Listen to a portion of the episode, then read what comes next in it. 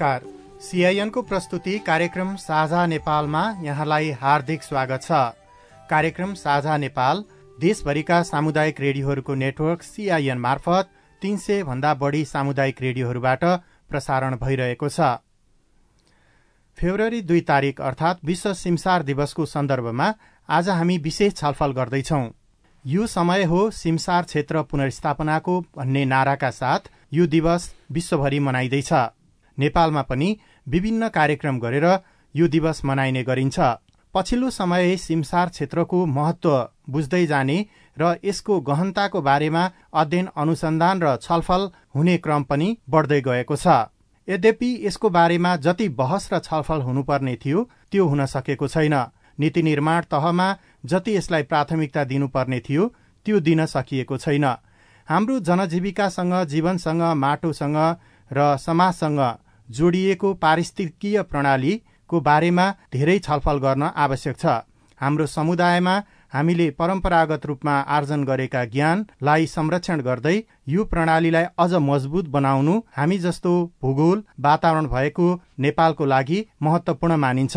आज हामी यसै विषयमा छलफल गर्दैछौ र आजको छलफलमा सहभागी हुन हाम्रो स्टुडियोमा हुनुहुन्छ वन तथा वातावरण मन्त्रालय अन्तर्गत जलवायु परिवर्तन तथा व्यवस्थापन महाशाखा इबिए परियोजना प्रमुख टोपबहादुर खत्री र पारिस्थितिकीय प्रणाली अर्थात् इबिएका विज्ञ सन्तोष मणि नेपाल। यहाँहरू दुवैजनालाई कार्यक्रम साझा नेपालमा हार्दिक स्वागत छ। धन्यवाद। नमस्कार। नमस्कार। म टोपबहादुर खत्री सरबाटै सुरु गर्छु। मन्त्रालय र सरकारको तहबाट चाहिँ यो सिमसारलाई बुझाउनको लागि र यसको महत्त्वको बारेमा चाहिँ जनमानससम्म यसको चेतना फैलाउनको लागि चाहिँ के कस्ता प्रयासहरू भइरहेका छन्? हजुर धन्यवाद। अब मन्त्रालयगत मन्त्रालय तहको तहबाट चाहिँ नि नेपाल सरकारले तत्कालीन वन तथा वातावरण मन्त्रालयले सिमसार आयोजना पहिलोचोटि चाहिँ सिमसार आयोजना प्रोजेक्ट लागू गरेको थियो जसमा चाहिँ तराईका दुईवटा कोसिटपु वन्यजन्तु आरक्ष र घोडागढी ताल क्षेत्रमा पाइलट प्रोजेक्टको रूपमा चाहिँ गरेको थियो। त्यो बेला चाहिँ नि एउटा डेमोन्स्ट्रेसन अथवा प्रयोग गर्ने हिसाबले डेमोन्स्ट्रेसन वर्कको हिसाबले दुईवटा सिमसार क्षेत्र अन्तर्राष्ट्रिय क्षेत्रमा सूचीकृत भएका दुईवटा सिमसार क्षेत्रमा कार्यक्रम सञ्चालन गरी समुदायलाई कसरी परिचालन गर्ने सिमसारको क्षेत्रमा कसरी आबद्ध बनाउने र नीतिगत हिसाबले चाहिँ नि पोलिसी लेभलमा चाहिँ राम्स नेसनल वेटल्यान्ड पोलिसी राष्ट्रिय सिमसार नीति दुई हजार बाह्र दुई हजार दुईमा त भएको थियो एउटा नीतिलाई त्यस दस वर्ष पश्चात चाहिँ नयाँ नीति ल्याएर अहिले भएका कन्टेम्पोरेरी च्यालेन्जेस जुन छन् होइन हामीले भोगेका त्यो बेला के भने अहिलेको सिमसार नीतिले चाहिँ वर्गीकरण गरेको छ क्लासिफाई गरेको छ ओनरसिप र टेन्युरका कुरा क्लियर गरिदिएको छ। राष्ट्रिय सरकारले गर्ने कुरा लोकल सरकारले गर्ने कुराको क्लियर कट चाहिँ नि उहाँहरूको रोल रेस्पोन्सिबिलिटी बुझाइदिएको छ। र नलेज प्रडक्ट नलेज प्रडक्टको हिसाबले सिमसारको बुझाइमा एकदम अपर्याप्तता थियो होइन एकदम नेग्लेक्टेड एरिया भयो। कसैले पनि त्यसलाई वेस्टल्यान्डको हिसाबले बुझेका त्यो भएको हुनाले सिमसारको वर्णमालादेखि लिएर सिमसारको इकोनोमिक भ्यालुएसन टुलसम्मको चाहिँ नि टुल नलेज प्रडक्ट बनाएर विभिन्न तहगत हिसाबले केन्द्रमा प्रदेश सरकारमा तत्कालीन प्रदेश त भने लोकल लेभलमा सिमसारको चाहिँ नि महत्त्वको बारेमा आकलन गर्ने कसरी मोनिटरिङ गर्ने कसरी इभ्यालुएसन गर्ने सम्मका चाहिँ नि लेखाजोखा गर्ने भनेको नलेज रेडियो सुनेर बसिरहनुभएका श्रोताहरूलाई अब हामीले जमिनलाई चाहिँ जीवन्त राख्न सिमसारले ठुलो महत्त्व खेल्छ भन्छौँ होइन? के के कुराहरू चाहिँ हाम्रो जनजीविकामा चाहिँ के के कुराहरू चाहिँ फाइदा हुन्छ? अब यो अत्यन्त महत्त्व प्रश्न गर्नुभयो होइन? सिमसार भनेको जीवन र जगत हो होइन? यसले समग्र हाम्रो जीवनलाई नै होइन पुनर्स्थापित गर्छ हाम्रो अस्तित्वलाई नै यसलाई चाहिँ नि पुनर्जीवित गराउँछ। भन्न खोजे के भने पानी हो सिमसार पानीको मुख्य स्रोत सिमसार हो। सिमसारको जगेर्ना भएन भने हामीलाई पानीको स्रोत हुँदैन। पानी नभएको अवस्था कल्पना गर्न सक्छौँ नि हामीले होइन? त्यसले गर्दा हामीले गर्ने कृषकदेखि लिएर दिनानुदिन हाम्रो दिपिनो जीवोपार्जनमा पर्ने कार्यक्रमदेखि लिएर अबको चाहिँ नि क्लाइमेट चेन्ज होइन? चाहिँले परेको असरलाई न्यूनीकरण किनभने सिमसारको संरक्षण गऱ्यौँ भने हामीले अनुकूलन पनि गर्छौँ न्यूनीकरण पनि गर्छौँ। त्यसले गर्दा मिटिगेसन पनि गर्छ एडाप्टेसन पनि गर्छ। यो सोर्स पनि हो सिङ्क पनि हो। त्यसले गर्दा सिमसारको जगेर्ना भयो भने समग्र हाम्रो परिस्थितिको प्रणालीको चाहिँ अस्तित्वबाट हामीले यसलाई चाहिँ पुनर्जीवित गर्छौँ प्रोडक्टिभ बनाउन सक्छौँ उर्वर बनाउन सक्छौँ र कालान्तरमा हाम्रो भविष्यसँग यसको चाहिँ अस्तित्वसँग जोडिएको विषय भएको हुनाले सिमसारको जगेना गर्नु जरुरी छ। सन्तोषमणि नेपालज्यू यहाँ अब यसैको विज्ञ हुनुहुन्छ। यसलाई हामीले नीतिगत रूपमा सरकारले अलिकति प्राथमिकता नदिएको जस्तो देखिन्छ र हामी आम नागरिकले पनि प्राथमिकता नदिएको जस्तो देखिन्छ। किनभने हाम्रो आँखाले नै देखेका कतिपय सिमसार क्षेत्रहरू चाहिँ आज कङ्क्रिट भइसकेका छन् होइन? विभिन्न सहरीकरणका नाममा प्लटिङका नाममा भएका छन् भने सार्वजनिक महत्वका त्यस्ता सिमसार क्षेत्र पनि अतिक्रमणको चपेटामा परेका छन्। यसलाई कसरी रोक्ने होला? धन्यवाद दिपकजी। तपाईँले बडा समसामयिक कुराहरू उठाउनु भएको छ। सिमसार कति नेग्लेक्टेड छ? तपाईँले शब्द नै प्रयोग गर्नु। कति उपेक्षित छ भन्ने कुराको प्रत्यक्ष प्रमाण यही ललितपुर जिल्लामा काठमाडौँमै पनि हामीले सिमसार मासिएर व्यक्तिले चाहिँ हडपेका कथाहरू थुप्रो तपाईँहरू जस्तै मिडिया मार्फत हामीले पढिरहेका छौँ। तिनीहरू त हाई भ्यालु थियो त्यस कारण तिनीहरूको बारेमा हामी धेरैले चर्चा गऱ्यौँ तर दूर दराज गाउँमा पहाडमा महाभारत क्षेत्रमा तराईमा यति धेरै सिमसार मासिए यति धेरै सिमसार थिए हामीसँग। हामीसँग प्रचुर थियो। पहाडको जुन खेती छ हामी चालिस प्रतिशत क्षेत्र हाम्रो खेतीमा खेतीमा हुन्थ्यो र त्यसमा खासै सिँचाइ थिएन। अहिले पनि थोरै सिँचाइ योग्य जमिनहरू थोरै आधाभन्दा कममै सिँचाइ पुगेको छ। त्यो सिँचाइ नहुँदाखेरि तिनै प्राकृतिक सिमसारले रसाएर हाम्रो एकपटक भए पनि धान खेत धान हुन्थ्यो आलु हुन्थ्यो तिनटै खालका कतिपय कछाडमा तिनटै बाली हुन्थे। अब आज दुईवटा बाली पनि हुन छोडे। हुँदा हुँदा के भने ती सबै नासिएर गए। पहाडमा के भने पहाडमा बिस्तारै मान्छेहरू छोड्दै गए र सिमसारमा चाहिँ पात आयो पतेङ्ग्रा आयो माटो बस्यो त्यसलाई कसैले सफाइ गरेर तिनीहरू नासिएर गए प्राकृतिक रूपले नेचुरल प्रोसेस अन्तर्गतै नासिएर गए। तराईमा मान्छे मान्छे भए साठी प्रतिशत मान्छे पुगे। भएका कुना कन्तरामा बसेका सिमसार पनि खेतीमा परिणत भए। काला प्रकारान्तरले न पहाडमा सिमसार रह्यो न तराईमा सिमसार रह्यो। ठुलो चुनौती छ। अब चुनौती चाहिँ किन भयो भनेदेखि यसको माइबाप भन्छ नि। यसलाई हेरिदिने मान्छे नि कोही भएन हेरिदिने संस्था नि कोही भएन। सङ्घीय सरकार आजभन्दा अगाडि जुन बेलामा नयाँ यो स्टेट रिस्ट्रक्चरिङ यो राज्य पुनर्संरचना भएको थिएन त्यो बेलामा यो अधिकारै कसको भन्थ्यो? अलिअलि अधिकार वनसँग थियो अलिअलि अधिकार कृषिसँग थियो अलिअलि अधिकार सिँचाइसँग थियो ऊर्जा मन्त्रालयसँग थियो तत्कालीन थियो र त्यस तर कसैको पनि भएन। त्यसले गर्दाखेरि यो नो म्यान्स ल्यान्ड भन्छ कसैको पनि नभएको क्षेत्र भएको हुनाले यो एउटा उपेक्षित भयो। एउटा दुईवटा अन्तर्राष्ट्रिय संस्थाहरूले त्यसको अनुसन्धान गरे। आयुसिएनले गरेको अनुसन्धानमा तराईमा एक सय एकसठीवटा छन् भनेर भन्यो। तर न तिनीहरू अहिले भेटिन्छन् न तिनीहरू यथावत छन्। अब भए पनि के छ भने तिनीहरूको चाहिँ फोर्टी थर्टी ट्वेन्टी फाइभ पर्सेन्टमा पुगेका छन्। भनौँ न पोखरा जस्तो फेवाताल जस्तो सिमसार क्षेत्र त्यो अन्तर्राष्ट्रिय महत्त्वको सिमसार क्षेत्र त खुम्च्यो। काठमाडौँका पोखरीहरू खुम्चिए होइन? हामीले भने यस्तो त्यो ठाउँमा हाम्रा सबै हामी सबै यस्ता बोल्ने लेख्ने मिडिया भएको ठाउँमा मन्त्रालय भएको ठाउँमा त सकिए नासिए हाम्रो देख्दा देख्दै हाम्रै जीवनकालमा भने दूरदराजमा पहाडमा मधेसमा त कसले हेर्ने? जबकि नीतिगत रूपमा स्पष्टता थिएन। तर thanks to the state restructuring यो राज्य पुनर्संरचना पछाडि एउटा कुरो प्रष्ट के गरिदिएको छ भने यो चाहिँ स्थानीय सरकारको क्षेत्राधिकारभित्र प्रष्ट दिएको व्यवस्थापन गर्ने संरक्षण गर्ने कुराहरू दिएको अब त्यसमा छ अलिकति स्तरहरू छ। सङ्घीय सरकारले त्यसलाई नीतिहरू बनाउँछ के खालको बनाउने जुन अघि राष्ट्रिय सिमसार नीतिको कुराहरू आयो आदि इत्यादि छ। तर संरक्षण गर्ने र त्यसलाई व्यवस्थापन गर्ने जिम्मेवारी चाहिँ स्थानीय तहलाई दिएको छ। अबको दायित्व भनेको चाहिँ स्थानीय सरकार यो अलिकति अब तपाईँ यसको विज्ञ भएको हुनाले अब ड्यामहरू बाँध्दाखेरि अथवा टनेलहरू बनाउँदा अथवा जुन पानीका स्रोतहरू नदी नालादेखि लिएर ताल तलैयाको वरपर चाहिँ सुरक्षाको नाममा भनौँ न अतिक्रमण हुन्छ भनेर जोगाउनको नाममा चाहिँ पक्की संरचना बनाइन्छ। तर त्यसले चाहिँ कस्तो असर पार्छ? जस्तो हामी यहीँ नै हेर्दाखेरि नि बागमती विष्णुमती रुद्रमती सबैको दुई किनारमा चाहिँ पक्की वाल लगाएर चाहिँ बनाइएको छ। त्यसले त कुनै ठाउँमा पानी छिर्न पनि नपाउने भयो होइन? त्यो भोलि चाहिँ भित्र जमिन मुनिको पानीहरू नआउने भए अरू ताल तल या पानीका स्रोतहरू पनि सुक्ने भए त्यस्तै गरी अब नाग्द टौद यहाँ हामीले भित्र देखेको भ्यालीभित्रका ती दह तथा तालहरू पनि त्यस्तै वरिपर चाहिँ त्यसरी बनाउने गरिएको छ होइन? बाहिरको नि त्यस्तै अवस्थाहरू छन्।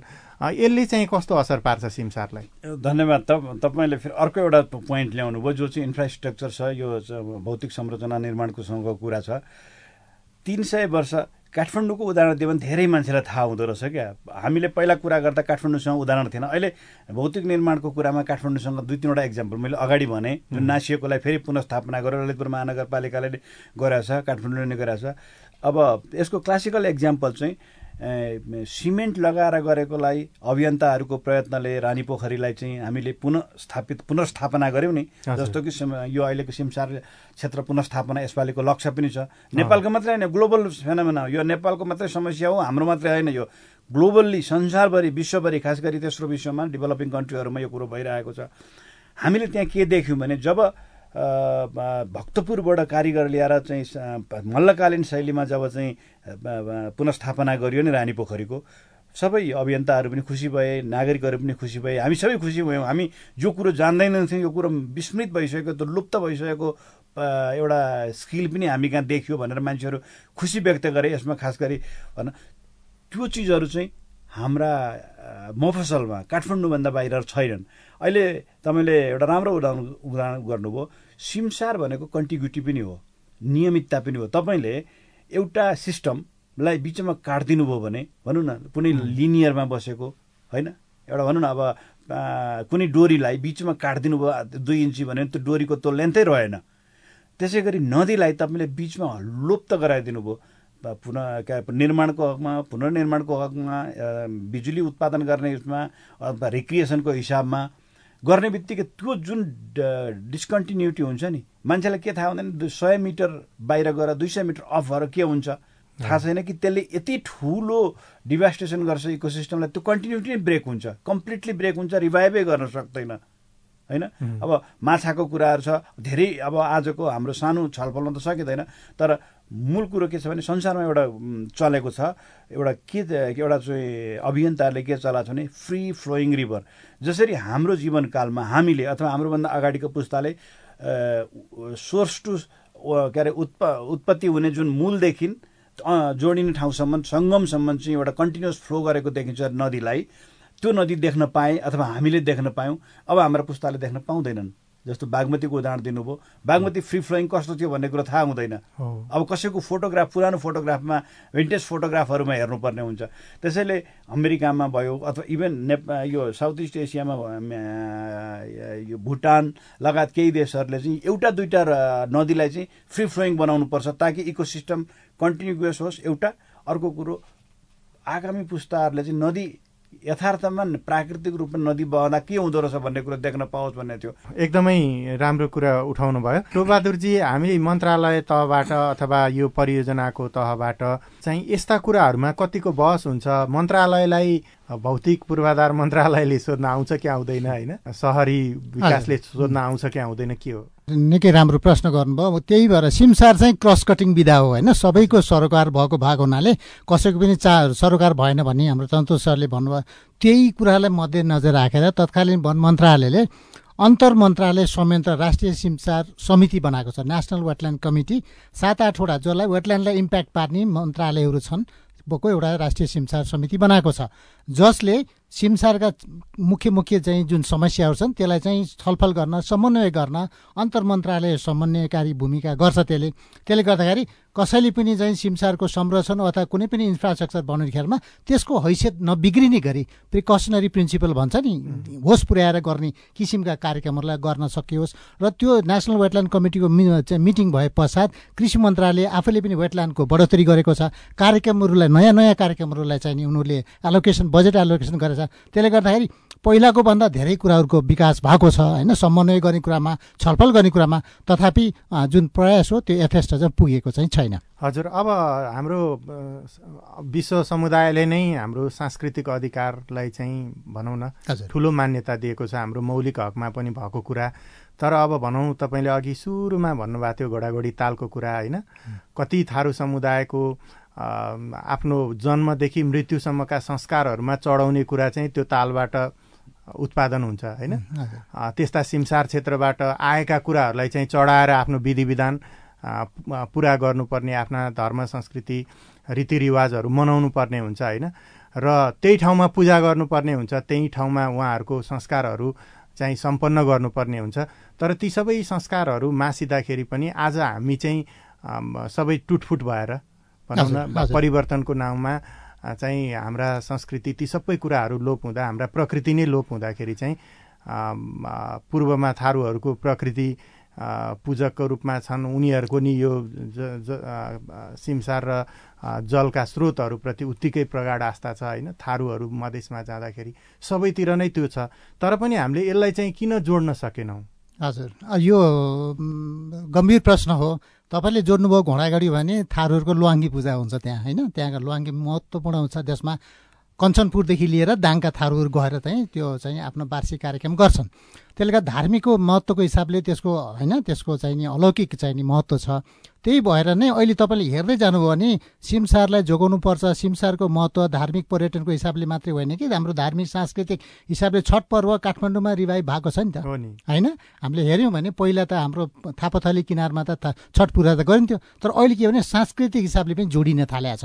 त्यसको महत्त्व बुझ्दै पनि गएको छन्। मलाई लाग्छ अबका दस पन्ध्र वर्ष पश्चात चाहिँ हामीले त्यसलाई रिभाइभ गरेर अलिकति चाहिँ हामीले त्यसलाई बढोत्तरी गरेर पुनर्स्थापित गरेर पुनर्स्थापना गरेर चाहिँ नि भएका नदी नाला ताल तलैया होइन जतिलाई पनि हामीले रिभाइभ गरेर त्यसलाई पुनस्थापित गरेर प्राकृतिक रूपमा हामीले भन्न योग्य देख्न योग्य भनौँ न त्यसमा माछा चरादेखि लिएर सबै कुरा चाहिँ विचरण गर्ने अवस्थामा ल्याउन सकिन्छ भन्ने कुरा हो। तथापि अब नेपालका सिमसारमा भनौँ न करिब एक्काइस बाइस प्रजातिका जाने जनजातिहरू चाहिँ आश्रित छन् होइन? जीविकोपार्जनको लागि होइन? मलाहहरू भएदेखि लिएर चाहिँ नि सोनादेखि लिएर सबै छन्। त्यसले गर्दाखेरि नदी ताल तलाइमा तिनीहरूको जीवनसँग गाँसिएको छ। तर अब के भयो भन्दाखेरि पहिला केही समित वर्गहरू मात्रै त्यसमा आश्रित थिएर पुगेको थियो। अब धेरै मान्छे भएको हुनाले त्यसमा सीमित स्रोतमा चाहिँ अलिक दोहनको हिसाबले बढेको छ। त्यसै कारणले हामीले जो जो व्यक्ति अथवा जनजाति चाहिँ सिमसारमा आश्रित छन् उहाँहरूलाई जीविकोपार्जनका लागि वैकल्पिक स्रोतहरू पनि बनाइदिने र त्योसँग प्राकृतिक हिसाबले पनि जोड्ने चाहिँ पर्छ किनभने त्योसँग कला र चाहिँ नि त्यो ज्ञान पनि जोडिएको छ। त्यसले गर्दा हामीले चाहिँ त्यसलाई गर्ने क्रममा एउटा वाइज युज भन्छ नि बुद्धिमत्ता प्रयोग प्रयोग गरेर जीविकोपार्जनसँग जोड्ने र तिनीहरूको निरन्तरता पनि बढोत्तरी गर्नुपर्छ भन्ने छ यो यो च्यालेन्ज हो तर यसलाई चाहिँ अवसरको रूपमा लिनुपर्छ। हजुर। अलिकति अब यो समय हो सिमसार क्षेत्र पुनर्स्थापनाको भन्ने नाराका साथ यो वर्ष हामी सिमसार दिवस मनाउँदैछौँ होइन? पुनर्स्थापना गर्नुपर्ने खालको चुनौतीपूर्ण सिमसार क्षेत्रहरू केही उदाहरणहरू हजुरले दिँदै हाम्रा राम्रा सिमसार र अहिले अब सङ्कटमा पर्न परेका सिमसारहरूका बारेमा अलिकति जानकारी गराइदिनु। हजुर दुईवटा कुराले इम्पोर्टेन्ट छ। जस्तो वन क्षेत्रमा भएका सिमसार र राष्ट्रिय निकुञ्जभित्रका सिमसारमा संरक्षित छन्। तथापि त्यहाँ पनि चाहिँ नि कोलोनाइजेसन हुने होइन प्राकृतिक उसले कोलोनाइज किनभने सिमसार एउटा डाइनामिक इकोसिस्टम हो। त्यसलाई एक्टिभ म्यानेजमेन्ट भएन भने त्यसलाई हामीले फेरि नेचुरल प्रोसेसमा गएर त्यो सिल्टेसन हुँदै सबै गर्दै डिग्रेडेसनमा जान्छ। त्यसले गर्दा सिमसार जहाँ छन् एक्टिभ म्यानेजमेन्ट चाहिन्छन्। तर ओझेलमा परेको जहाँ बाहिर छन् वन क्षेत्र र सिम्चा राष्ट्रिय निकुञ्ज क्षेत्रभन्दा बाहिर संरक्षित क्षेत्रभन्दा बाहिर परेकोमा अत्याधिक दोहन छ। कस्तो कपिल वस्तुमा रूपेन्देहीका तालहरूमा हेर्नु भने त्यो सीमावर्ती तालमा असाध्यै ठुलो ट्रान्सबाउन्डर चाहिँ तालहरू छन्। प्रशस्त मात्रामा जैविक विविधता पाउँछन्। तर के भने स्थानीय तहले त्यसमा ध्यान पुगाएको छैन राष्ट्रले पनि त्यसमा चाहिँ ध्यान नपुगा। त्यो भएको हुनाले अब लोकल पालिका जुन अहिले चाहिँ नि होइन कानुन त उनीहरूलाई सबल बनाइएको छ उहाँहरूले चाहिँ दृष्टि पुऱ्याएर त्यसलाई चाहिँ संरक्षण सम्वर्धन गरेर उपयोग पनि गर्नुपर्छ। त्यहाँ उपयोगको कुरा जोडिन चाहिँ पर्छ है। किनभने जनसहभागिता जोडिएपछि मात्रै सम्वर्धन सम्वर्धन पनि छ। त्योसँग आर्थिक उपार्जन भएको खण्ड मात्रै त्यसको दिगो दिगो चाहिँ संरक्षण हुनसक्छ।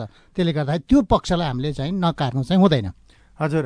सन्तोष मणिजी अब यो विषयमा चाहिँ विद्यालय विश्वविद्यालय तहमा चाहिँ पाठ्यक्रमहरूमा चाहिँ यो विषयलाई कतिको प्राथमिकता हामीले दिन सक्यौँ होइन? र यसको बारेमा अझ जनचेतना जगाउनको लागि चाहिँ के गर्नुपर्छ? आज जुन अहिले जुन हामी चर्चा गर्दैछौँ जुन कारणले आज हामी चाहिँ देशभरि संसारभरि चाहिँ हामी वेटल्यान्ड डे मनाउँदैछौँ नि त्यसको एउटा अभिष्ट के एउटा अन्तर्य के भनेदेखि अबका युवाहरूलाई यो बारेमा सिकाउँ यो भनौँ जो हामीले गल्ती गरौँ हाम्रो जीवनकालमा जुन गल्ती भयो अब नदोहोरियोस्। र बच्चाका अवस्थादेखि नै यिनीहरूले यसको महत्त्व बुझुन् भनेर पहिलो काम त सात सय त्रिपन्नवटै पालिकाहरूसँग अहिले हाई स्कुल लेभलको स्था बेसिक एजुकेसनको अधिकार भएको हुनाले त्यहाँ चाहिँ एउटा पाठ्यक्रमभित्र समावेश गर्नुपर्छ यसको महत्त्व। एक नम्बर त्यो गर्नुपर्छ। दोस्रो कुरो चाहिँ प्रत्येक पालिकाले यसै वर्ष को बजेटमा अब बजेट बन् बन्ने प्रक्रियामा छ। बजेट छुट्याएर चाहिँ सिमसारको चाहिँ इन्भेन्ट्री गर्नुपर्छ। कहाँ कहाँ छन् हाम्रो सिमसार? कति लेभलमा छन्?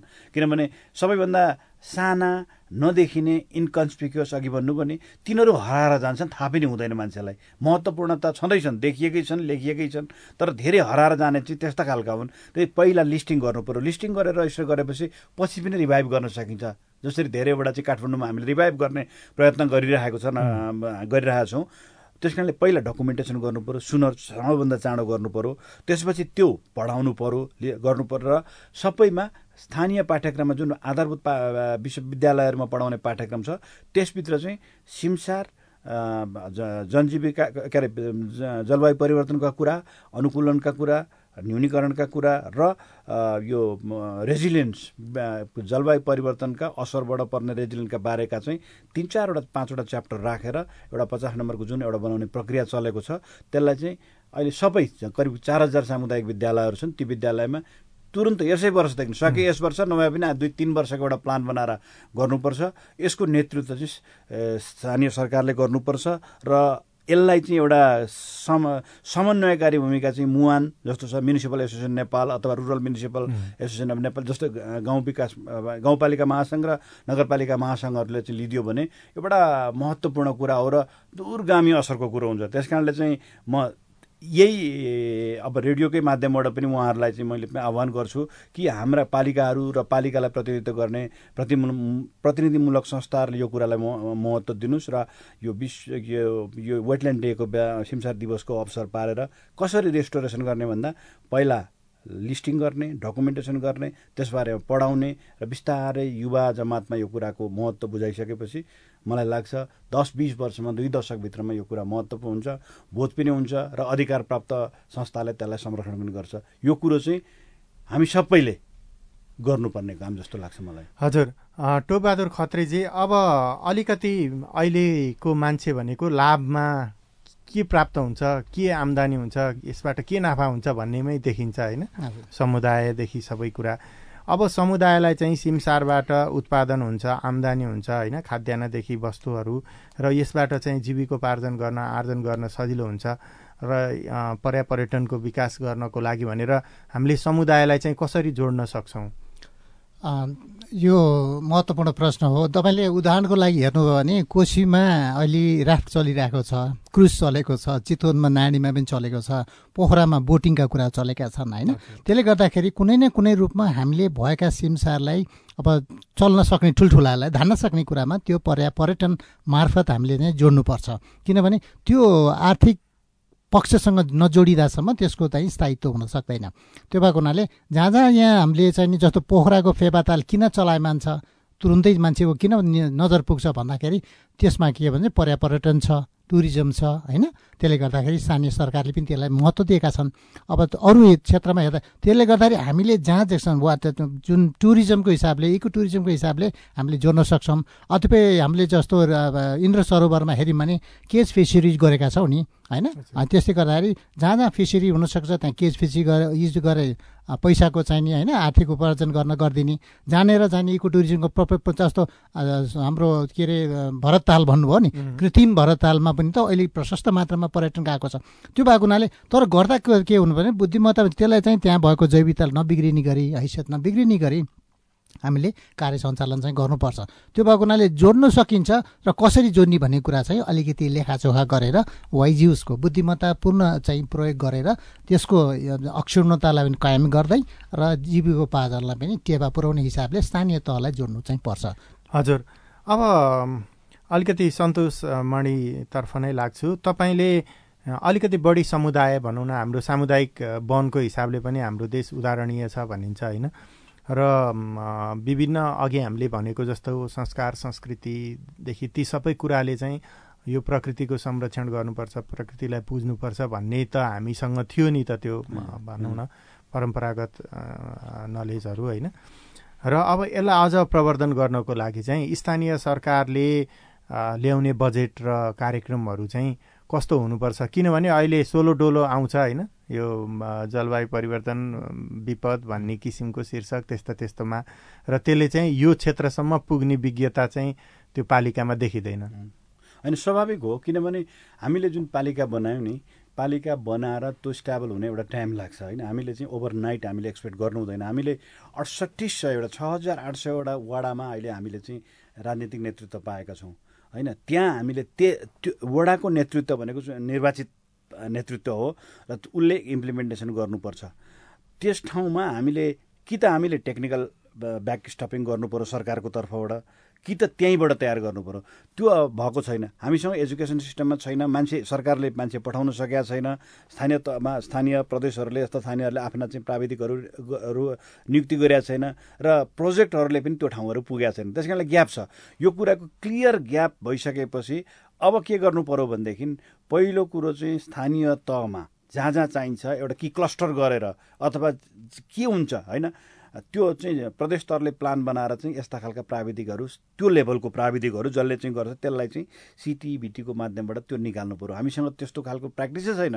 हाम्रो त युवाहरूलाई चाहिँ पहिलो दिन नै दस क्लास पढ्ने बित्तिकै पासपोर्ट कसरी आउँछ? यहाँ सबैभन्दा ठुलो हल्ला के भन्छ पासपोर्ट कसरी लिने भन्ने कुरामा हल्ला हुन्छ। तर कसरी क्लाइमेटको कुरो यो वेटल्यान्डको कुरो यो गर्ने प्राविधि बनाऊ अथवा कुनै पनि प्रविधि छ महिना वर्ष तालिम लिएर गर्ने यस्ता खालका कुरा गर्ने हामीले अहिले छलफलै गरेका छैनौँ। त्यस कारण हाम्रो छलफलको डाइमेन्सन पहिला चेन्ज गर्नुपर्छ। त्यो चेन्ज गराउने भनेको दायित्व चाहिँ चौथो अङ्गको रूपमा पत्रकारको पनि हो र हामी जस्तो चाहिँ जो बसेर कुराकानी गरेर चाहिँ अब गर्छौँ यो कुरा भन्छौँ हाम्रो पनि हो। तर यो एउटा कुरा चर्चा गर्नुपर्छ। जब हाम्रो स्थानीय तहमा मेडिकल प्रोफेसनल यो क्लाइमेटको प्रोफेसनलहरू निक्लिन्छ नि त्यही लेभलबाट अटोमेटिकल्ली त्यो चिजहरू हुन्छ। होइन? हेल्थमा अलिकता भएको देखिन्छ। अहिले चाहिँ हेल्थमा बर्थिङ स्टेसन स्टेसनहरू बनाएर अलिकता सुरक्षित मातृत्वको उभइरहेको छ। तर यो अन्य सेक्टरहरूमा त्यो कुराहरू हुन सकेको छैन। कृषिमा अलिअलि भए पनि त्यस्तो सफल छैन जति हेल्थमा जस्तो लाग्छ। मेरो व्यक्तिगत सोचाइ त्यस कारणले यो त एकदमै नछोइएको विधा हो। आज हामी जो चर्चा गर्दैथ्यौँ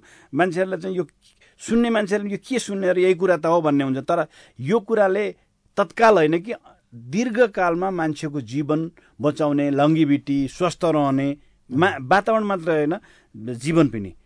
वातावरण जीविकोपार्जन र जीवन यी तिनटै कुरो बचाउने कुरो भन्ने कुरो हामीले बुझाउनै सकेका छैनौँ। हामी आज यसरी चर्चा गरेर चाहिँ हामी एउटा लाइनमा लागेका छौँ तर बाटो अझै टाढा छ पुग्ने चाहिँ गन्तव्य। हजुर टोबहादुर खत्रीजी अन्त्यमा अब मैले नसोधेका र यो दिवसका अवसरमा तपाईँलाई भन्न नै मन लागेको सरकारको तर्फबाट पनि। अब मुख्य कुरा के हो भने अबका दिनहरूमा सिमसारलाई हेर्ने दृष्टिकोण परिवर्तन गर्नु पर्यो। पानीलाई प्रवेश बिन्दु मानेर हाम्रा योजनाहरू बन्नुपर्छ होइन? वाटरलाई इन्ट्री पोइन्ट बनाएर गऱ्यौँ भने हामी सबै सरोकारबाट किनभने साझा दायित्व छ होइन? कसैको पनि होइन कसैको पनि हो सबैको पनि हो। त्यो गर्नाले त्यो दुविधाबाट पन्छिनालाई अब हामीले एकाकार भएर काम गर्नुपर्छ नम्बर एक। दोस्रो कुरा जुन सस्टेनेबल डेभलपमेन्ट गोलका सत्रवटा गोल छ नि पानीले प्रत्यक्ष अप्रत्यक्ष रूपमा सबैलाई चाहिँ कन्ट्रिब्युट गरेको छ कि? होइन? क्लाइमेट एक्सन त छँदैछ गोल फिफ्टिन र इलेभेन त छँदैछ तर सत्रवटा गोललाई हेर्नु भने इन्डाइरेक्ट पोभर्टी रिडक्सन पनि कसरी गर्ने भन्दा त? खाद्यान्नबाटै हो। त्यो खाद्यान्न भन्दा कृषि बाली हो त्यो कृषि बाली भनेको पानी नै हो सिँचाइ नै हो। त्यसो गर्दाखेरि त्यो जोडिएको हुनाले पानीलाई चाहिँ नि इन्ट्री पोइन्ट बनाएर हामीले अगाडि लानुपर्छ। नम्बर एक दोस्रो कुरा इन्फोर्समेन्ट जुन छ नि हामीले कानुन अलिक प्रभावकारी भएन। दोहन जुन रूपमा भएको छ तपाईँ हामीले नदी प्रणालीमा हेऱ्यौँ भने गिटी बालुवातुको दोहनले गर्दाखेरि समग्र त्यो परिस्थिति प्रणाली बिग्रिया छ त्यो एउटा छाता ऐन पनि चाहियो हामीलाई अम्ब्राला एक्ट पनि चाहियो किनभने नीति मात्रै त भएन नीति राम्रा हुन सक्ला तर कार्यान्वयन पक्षमा इन्फोर्समेन्ट भएन हाम्रो।